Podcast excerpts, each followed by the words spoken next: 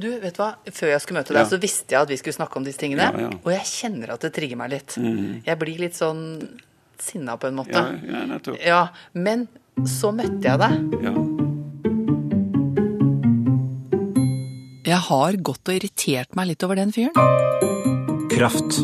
En podkast fra NRK P2 om livet ditt. Fordi han virker så svær i kjeften. Jeg husker jeg sto bakerst i et stort auditorium på et eh, foredrag i Bergen for mange år siden. Jeg var det som reporter, og jeg hørte at han fikk folk til å le, og han fortalte morsomme historier, og, og for noen år siden så skrev han en bok som heter Det er ikke mer synd på deg enn andre. Og jeg tenkte, er han ikke veldig hard? Ufølsom? Hvem er han? Hva har han opplevd? Er han klar over at folk virkelig sliter? Med smerter og psykisk og fysisk, og med ekteskapene sine og avhengighetene sine og Han heter eh, Ingvar Wilhelmsen, og han er eh, professor og ekspert på angst. Og jeg husker den gangen for mange år siden at han sa noe sånn som dette. Min oppgave er ikke egentlig å synes synd på folk eller ikke. Min oppgave er å få folk til å tenke seg om hvordan de lever livet sitt. Ja, det var det han sa. Og nå, etter mange år, så har jeg skrevet til han og spurt om vi kan møtes med en mikrofon på. Jeg tenkte jeg skulle si det rett ut. Men jeg ble faktisk litt overrumplet. Jeg har aldri snakket med deg Nei, nei, nei. Og så tenkte jeg, dette er sånn gyppal fyr som liksom har litt sterke meninger.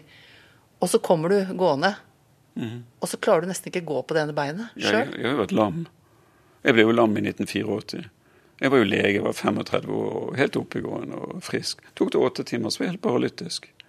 Det var en akutt sykdom. En akutt sykdom, men noe som heter transversmyelitt. Veldig sjelden greie. Så var det jo rullestol en periode. Så fikk jeg spastiske bein, da. Men nå har jeg i tillegg fått et nytt høyre kne i sommer, så jeg ble kneoperert. Er det en annen sykdom, Ja, eller? det er noe helt annet. Det var en menisk som ble fjernet, og så, så ble det ikke mer brusk igjen i fjor, da. Så jeg begynte å få hevelse og smerter. Så måtte jeg få meg et helt nytt kne. Så- når du gikk sånn veldig skakt nå, Ja, ja, ja. du halter, ja. så er det pga. det nye kneet? Nei, det er mest pga. spastisiteten, for kneet er blitt ganske bra. Ja. Så jeg, er det gamle jeg, jeg, beina? jeg, jeg har gått dårlig siden 84, jeg. Siden 84. Altså 1984. Da jeg så han eh, holde det foredraget, så sto jo han bak en talerstol. Og jeg så jo ikke beina på han. Jeg så jo bare dressjakka og opp sånn. Men, det, liksom, det rant litt ut av meg, kjenner jeg. Den der, Kommer han kjekken der? ja, hadde jeg vært helt frisk, hadde du kanskje ikke sluppet unna med sånne ting som jeg sier. Det kan hende, men altså Man må jo kunne si det som er sant, selv om man ikke halter. Ja, for det syns aldri, har du aldri syntes at det var synd på deg? Nei, jeg må si at eh, når jeg uh, lå og var lam Jeg var jo egentlig lege på Elverum når jeg ble lam. Så var jeg i Bergen på en generalforsamling i en familiebedrift. Så ble jeg værende igjen i Bergen. Lå nå der lam, og de sa at den sykdommen du har fått, to treller ved værende lam. Det var jo ikke noe kjekt. Men så lå hun der og snakket mye med folk, for da hadde jeg vært vekk fra Bergen i fem år. Og eh, så kom alle gamle venner og sånn. Og plutselig lå jeg der helt avslappet og hadde god tid. Snakket masse med folk. Og så har jeg en kamerat. Paul Otto Brunstad heter han, teolog og filosof. Han sier for eksempel hvis du møter veggen, hvis du møter en vegg, da er det ofte en dør i nærheten. Men da må du altså ikke sitte med nesen inni denne veggen og si det at her det var ikke noe dør. Han nekter pasientene sine å bli offer, uansett hvor fælt de har det. Det å ha en ekte sykdom, det å være lam, sånn som jeg har vært en gang. Altså det å, å ha alvorlige problemer, det betyr etter min mening at du må være pinligaktig, ikke ta på deg noe i tillegg som du ikke må ha. Og f.eks. det å gå inn i en offerrolle i tillegg til å Altså det å være bitter, selvmedlidende, i tillegg til de ekte problemene. Det blir jo en tilleggsbyrde. Akkurat som folk som har mye ekte problemer. Hvis de skulle ha angst i tillegg, og katastrofetenke, Og det blir jo et ekstra problem. Så det er jo ikke det vi snakker om at folk ikke har mye ekte problemer.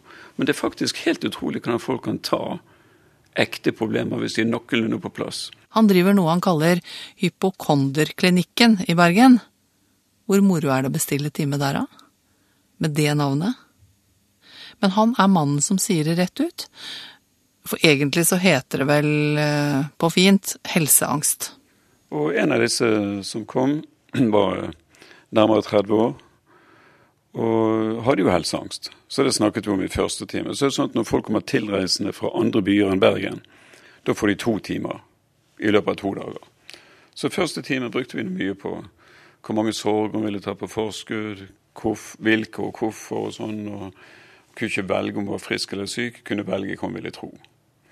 Men så kom hun stadig tilbake til fortiden sin og livet sitt. og Foreldrene hadde vært så fæle. Moren var ille, faren var verre. Så hadde hun bidratt sjøl vært en veldig vanskelig unge. Så vi måtte bruke andre timen på fortiden. Og der, Hun har jo hatt et vanskelig liv. Hun var så nærmere 30, hadde to døtre. Tungt inn i Nav, ingen utdannelse. Og fortalte om livet sitt. Og hadde vært mye i psykiatrien. Fått forskjellige diagnoser. Eh, Bl.a. bipolar type 2.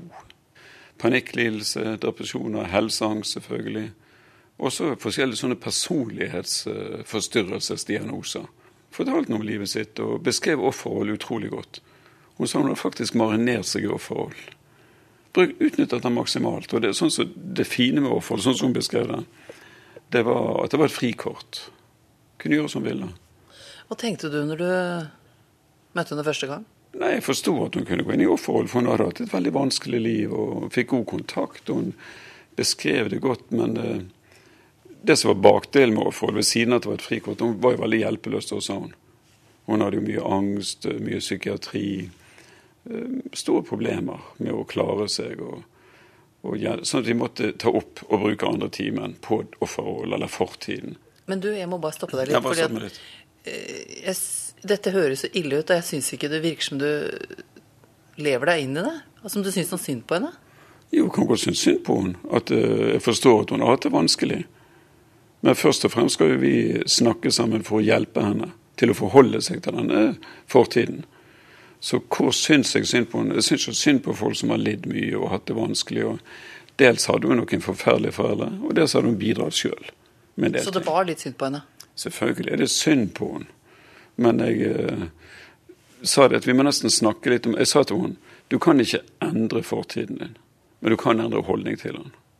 Så er det jo sånn i livet, mente jeg, og det mener jeg generelt, at når vi skal velge holdninger i livet, så må vi velge noen holdninger som er nyttige for oss. Det vil si, de hjelper oss å nå målene våre. Og etter min mening, det kan sikkert diskuteres, men etter min mening så er det viktigere at en holdning er nyttig enn at den er sann. Viktigere at holdningen er nyttig enn at den er sann. Det må jeg spørre mer om, men nå er han så godt i gang. Jeg skal få henne til å tenke, det er jo målet mitt og poenget. Så da forteller jeg gjennom andre pasienter som jeg har hatt. Og Jeg husker jeg fortalte henne om eh, en eh, eldre kvinne som hadde hatt et veldig vanskelig liv, utsatt for overgrep som ung. Så hun sa til meg, hun 73-åringen som jeg da fortalte 30-åringen om, kan jeg få lov til å fortelle litt om livet mitt? Og hun ble bergenser, akkurat hun der, så de får jo fem timer. Sånn at de som kommer fra andre byer, de får to. Så vi hadde jo god tid med hun litt eldre kvinnen. Ja, fortell, fortell om livet ditt, sa jeg. Ja, hun var blitt misbrukt som barn, og det var seksuelt misbruk. Og de har ødelagt meg, sa hun, og gråt litt når hun snakket om det. Hadde giftet seg, han viste seg å være alkoholiker. Det visste hun ikke når hun giftet seg, men han drakk og drakk. Så fikk hun tre døtre, døtre han drakk fortsatt. Så hun orket ikke mer av det. der. Så hun skilte seg fra han, skaffet seg leilighet, 80% jobb, og gråt litt igjen. Enedatteren fått ekte kreft, og hun har stått som en påle. Jeg lurte på, Disse overgrepene, er de bearbeidet? Ja, hva betyr bearbeidet, sa hun over 73 år. Hva betyr det? Ja, Sånn som jeg forstår det, sa jeg. Sikkert mange måter å definere det på, men for det første må du vite hva som skjedde. Enten husker du, eller så har du innhentet informasjon. Hun husket godt. Ok, Det var det første. Det andre at du har satt ord på det og snakket om det. Jo, men det har jo vært tema i livet ditt, så du har snakket utrolig mange ganger om det. Og det tredje at du har reagert følelsesmessig. At du iallfall forbigående har tillatt deg å være sint og lei og bitter og sånn. Ja, men da er det bearbeidet, sa hun, 73-åringen. For, for, følelsesmessig driver jeg og reagerer, og reagerer fortsatt, så det skulle være på plass. Ok, da behøver ikke vi bearbeide, sa jeg. Da må vi sjekke hvordan du forholder deg til fortiden din. Det er jo dette vi ha frem for denne 30-åringen. Jeg er ødelagt, sa hun. 73-åringen. Så lurte jeg på er det en nyttig holdning å ha. Hjelper den deg å nå målet dine i livet ditt? Er det forresten sant, lurte jeg på. Hvordan kan en 73 år gammel kvinne som er ødelagt, liksom eh, støtte sine barn, oppdra de, gå i 80% jobb sånn som du gjorde til du ble pensjonist, støtte de når de får kreft og alt dette. Er det sant at du er ødelagt? Er det kanskje en holdning? For jeg har snakket med folk som har hatt veldig vanskelig liv, som har valgt en litt annen holdning enn den som du har valgt. Og hvilken har de valgt, da? En jeg snakket med, han sa jeg er skadet, men de skal ikke få skade meg mer enn nødvendig. Setter en grense for overgrepet utover forhold. Så sa han det var jo sånn jeg skulle tenkt. Ja, det kan du gjøre som du vil med, sa jeg. Å, sa han, 73, kan jeg tenke som jeg vil? Ja. Du, det er så fint med å bli voksen, bestemmer litt sjøl. 73 år står du iallfall helt fritt. OK, sa hun. Eh, men eh, hvordan skal jeg gjøre det? Skal jeg skrive det 100 ganger? Jeg er skadet, men ikke ødelagt. Nei, én, sa jeg. Det må nå holde. Skriv det én gang. Så skrev hun én gang.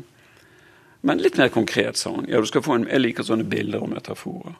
Så jeg sa til denne 73-åringen i og med at disse overgrepene er bearbeidet, hva med å sette en parentes rundt dem og sette dem på hyllen? Ja, men går det an, da? sa hun. Ja, det går fint, jeg sa. Det er ikke mer å hente de overgrepene. Det var jo fælt, det var stygt gjort, men det er ikke mer å hente. Mist fokus, sett de på hyllen, og så går du videre i livet ditt. Jeg vil ikke anbefale å skyve den under teppet og bagatellisere. Stygt gjort. Men sett det på hyllen, sånn at hvis det kommer noen forbi som er utrolig interessert i overgrep Det fins jo sånne folk. De kan jo gå og se. Hun har sagt det senere, at uh, de står på hyllen. Men tilbake til hun 30-åringen. Ja, dette fortalte jeg 30-åringen. Ja. At jeg sa til henne du kan ikke velge hvordan du Altså fortiden kan du ikke endre, men jeg kan velge holdning til den. Jeg sa også til henne det er ikke mer synd på deg enn andre. Så skrev hun i en e-post, tre år etter hun hadde vært i Bergen, skrev hun en e-post. Og da skrev hun at når, når, du sa det til meg, skrev hun, aldri blitt så krenket i hele mitt liv. Og jeg mener jo ikke at vi skal være stygge med folk eller krenke dem, men av og til må du si noe som er sant. Og så skrev hun i neste avsnitt i den e-posten som jeg fikk tre år senere. He-he, begynte det avsnittet. skrev hun det var akkurat det at jeg ble stilt til veggs og måtte selv ta ansvar for mitt liv, som gjorde at mitt liv begynte å komme på rett spor igjen. For hun kom nå hjem fra Bergen. Det var i 2007 hun var hos meg. Litt sånn i opprør. Så hadde hun snakket veldig mye med venninnene. Vet du hva Anna Wilhelmsen sa? Hvis ikke jeg tar ansvar for livet mitt, kommer ingen andre til å gjøre det. Så hadde venninna ifølge Ingvar Wilhelmsen sagt ja, det er jeg enig i. Nå må du ta ansvaret sjøl, og du må komme deg opp sjøl. Men mener du nå at det du sier, at dette ble en slags sånn uh, solskinnshistorie? At hun har et godt liv nå, liksom? Ja, hun har det bra. Og sist jeg sjekket, hadde hun det veldig bra. Hun har jo fått seg en utdannelse. Og, og det var ikke så lett. Det var jo en veldig kamp. Og, og det var ikke gjort på én eller to dager å gå ut av offerrollen. Hun måtte jo utdanne seg, hun brukte jo mange år på det. Fordi at, eh, altså, Du kan endre en holdning veldig raskt. Du kan finne ut at den holdningen har, er unyttig, den er meningsløs. Det kan du faktisk endre på en time. Men for at den holdningen skal bli din og bli integrert, så er det aller viktigste at du oppfører deg som du mener det. Ellers blir det bare teori. Fake it to make it, altså? Det kan du godt si. Begynn å øve på å, hvordan ville livet bli annerledes hvis jeg mente noe annet enn det jeg har ment. Men du, jeg får en tanke nå. Ja. Det er liksom sånn Ja, jeg sitter i rullestol, er blind og har vondt alle steder, mm. men like blid. Det er litt sånn jeg tenker nå. Har du snakket med blinde folk i rullestol? Nei, nå fant jeg bare på jo, det. Men altså, det, det, er interessant hva folk kan tåle av ekte problemer. Det er helt utrolig. Hvis folk er noenlunde på plass i livet sitt, så er det faktisk helt utrolig hva folk kan tåle av ekte problemer. Ja, Men mennesker som har smerter, da. Du kan ikke si det til dem. Det er ikke synd på deg. Jeg sier ikke at det ikke er synd på dem. Men jeg, enkelte ganger så sier det ikke mer synd på deg enn andre. Som har like mye smerter? Ja, altså hvem man skal, Alt er så relativt. Hovedpoenget er ikke den setningen at det ikke er synd på folk. Hovedpoenget er hvordan forholder du deg til din situasjon. Jeg mener faktisk at det meste her i livet kan ikke vi gjøre noe med. Vi får ikke velge foreldre, vi får ikke velge sykdommer. Vi kan ikke styre hva regjeringen finner på etter vi har valgt dem. Vi kan ikke styre kronekurser. Vi kan til og med hva folk hjemme som vi bor sammen med, hva de, hva de velger. Ja, Og ikke hvor glupe vi er heller. Nei, ikke, intelligensen kan vi ikke Vi kan utvikle den kanskje, eller hindre den. Men det er så mye vi ikke kan gjøre noe med. Det meste. Men hvordan vi forholder oss til det som skjer, det bestemmer vi sjøl. Og det mener jeg helt tydelig, jeg vil ikke vike på det. Våre egne holdninger og handlinger, der står vi helt fritt. Men herlighet, livet er jo utrolig urettferdig. Det er jeg helt enig i. Ja, det er det, altså. Livet er kjempeurettferdig, og jeg pleier å si til de fleste som jeg snakker med, at det skal vi være glad for. Tenk om vi fikk som fortjent. Det skulle jammen tatt seg ut. Nei, det skjønner jeg ikke helt. Jo, altså, Vi har det jo ofte bedre enn vi fortjener, de aller fleste her i landet iallfall. Vi lever av nåde og tilgivelse, stort sett hele gjengen. Ja, men de som føler at liksom Hvorfor fikk jeg dette og dette og dette og dette, og Ja. hvorfor har det gått så gærent med meg? Det må de spørre seg sjøl. Hvis det var sånne ytre ting som vi ikke kan gjøre noe med, så var det antagelig uflaks. Urettferdig verden. Og da er det eneste de kan forholde seg til, hvordan skal jeg ta dette som jeg er blitt utsatt for, som er så uheldig og så mye mer enn mange andre. Men der er igjen alt veldig relativt. Men jeg syns du får lov å si dette er driturettferdig. Selvfølgelig. Jeg Det er er skikkelig sinna for det. Absolutt. Du kan være så sent, og du kan være bitter en periode. Du kan til og med gå inn i offerrollen en periode og være selvmedlidende. Men jeg tror ikke det er noe godt sted å være. Du må rett og slett finne fram til det aller beste i deg, sier han. Er dette det ypperste du kan komme med? Jeg mener, Vi må komme med det ypperste. Det som virkelig Tenk oss litt om. Hva bruker vi livet til? Hva bruker vi energien til? Hva bruker vi kreftene til? For det som er så dumt med offerrollen, det er sånne energityver. Det drenerer energi. I en faktisk ekte vanskelig situasjon så mister du litt av overskuddet til å takle det. Pga. bitterheten, pga. selvmedlidenheten. Og det er faktisk ikke det at det ikke er synd på deg. Men eh, hva så? Skal du sitte der i den selvmedlidenheten evig og alltid og bruke det som liksom et sånn kjennetegn ved deg? Nei, kom, utfordre folk. Men jeg, jeg har ingenting imot eller problemer med å synes synd på folk og, og forstå at det er en utrolig vanskelig situasjon. Det er godt å høre, da. Ja, jeg, er jo mener- ikke, er jo ikke helt idiot.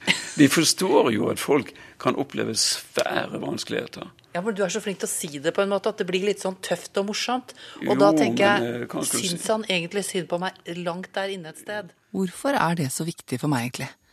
At noen skal synes synd på meg?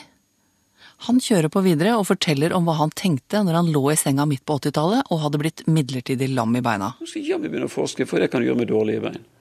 Og det tror jeg, det gjør normale folk. De kompenserer. De ser etter en mulighet. Hva gjør jeg nå i livet mitt? Hva kan jeg gjøre med de beina jeg faktisk har? Og jeg har gått i 120% jobb de siste 20 årene, inntil jeg ble pensjonist. Med det beinet. Med disse beina, ja. Og du går alltid og halter. Jeg går stort sett alltid og halter, men det kan godt hende at jeg kunne haltet mindre, at jeg har gått litt lite til fysioterapeut. Og nå skal jeg faktisk snart på 14 dager på dagavdeling på nevrologen i Bergen for å øve og trene. Jeg går på sats og sånn, jeg trener, men jeg har bare gått rundt og gjort så godt jeg kunne. Men du, jeg, eh, nå skal jeg være helt ærlig, jeg tror ikke jeg hadde takla dette sånn som deg. Og da tenker jeg, har du liksom blitt født under et fint stjernetegn? Hva heter det for noe egentlig? Altså, du er født sånn glad og lykkelig. Er, er, det litt sånn? jeg er sikkert født ganske stabil følelsesmessig iallfall. Aldri hatt veldig anlegg for katastrofetenkning, angst og depresjon. Så det er jo noe som jeg har fått i vuggegave, sikkert. Men uansett vuggegave, uansett hvem man er, det er veldig nyttig for folk å tenke gjennom hvordan man forholder seg til ting man ikke kan gjøre noe med. Enten det er en alvorlig sykdom, en mindre alvorlig sykdom, en oppsigelse, en urettferdig behandling på jobben. Så jeg mener at vi må, vi må faktisk, uavhengig av oppvekst og hvem vi er, om vi er født under en lykkestjerne eller hva du kalte det, eller om vi har hatt det utrolig vanskelig, vi kommer ikke unna før vi blir dement eller et eller annet psykotisk. Så lenge vi er oppegående, frie mennesker, så må vi velge holdninger som er de nyttigste vi kan komme på. Vi har dette lille ene livet her. Jeg begynner å skjønne litt hva han mener. Men det er jo ikke sikkert man klarer å være på sitt beste. Det er litt godt å bli syns litt synd på en stund og holdt rundt og si dette er kjempeurettferdig og du Jo har det skikkelig vondt og dette, sånn skal det ikke være og nå skal jeg sitte her og holde rundt deg. Ja, men nå snakker du om akuttsituasjoner. Mm. Men etter det da, så Ja. skal man si eh, nå har vi sittet Ja. her Nå har en vi sittet her noen måneder, Ja. kanskje. Og nå er det kanskje på tide å.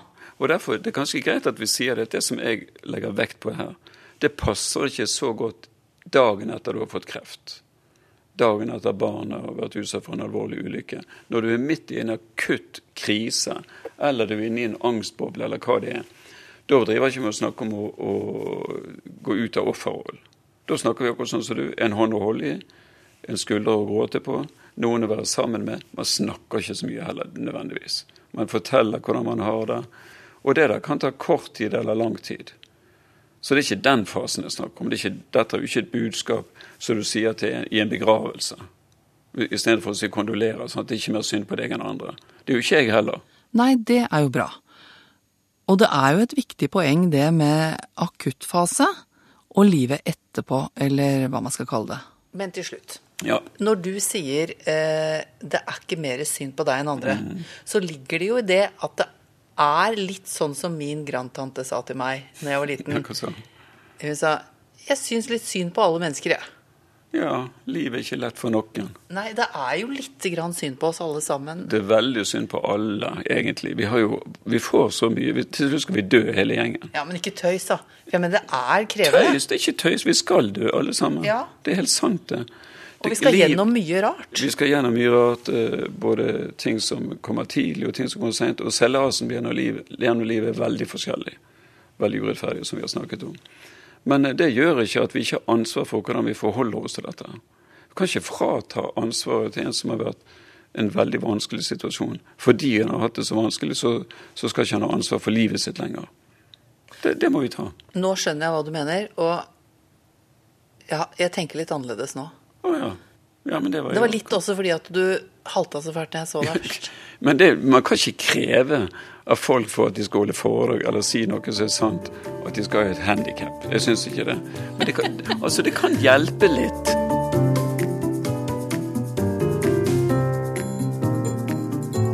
Jeg heter Kjersti Kirsti Kraft. Skriv til meg hvis du har lyst til det. Adressen er eh, kraft. Krøllalfa. nrk.no. Du har hørt Kraft en podkast om livet ditt fra NRK P2.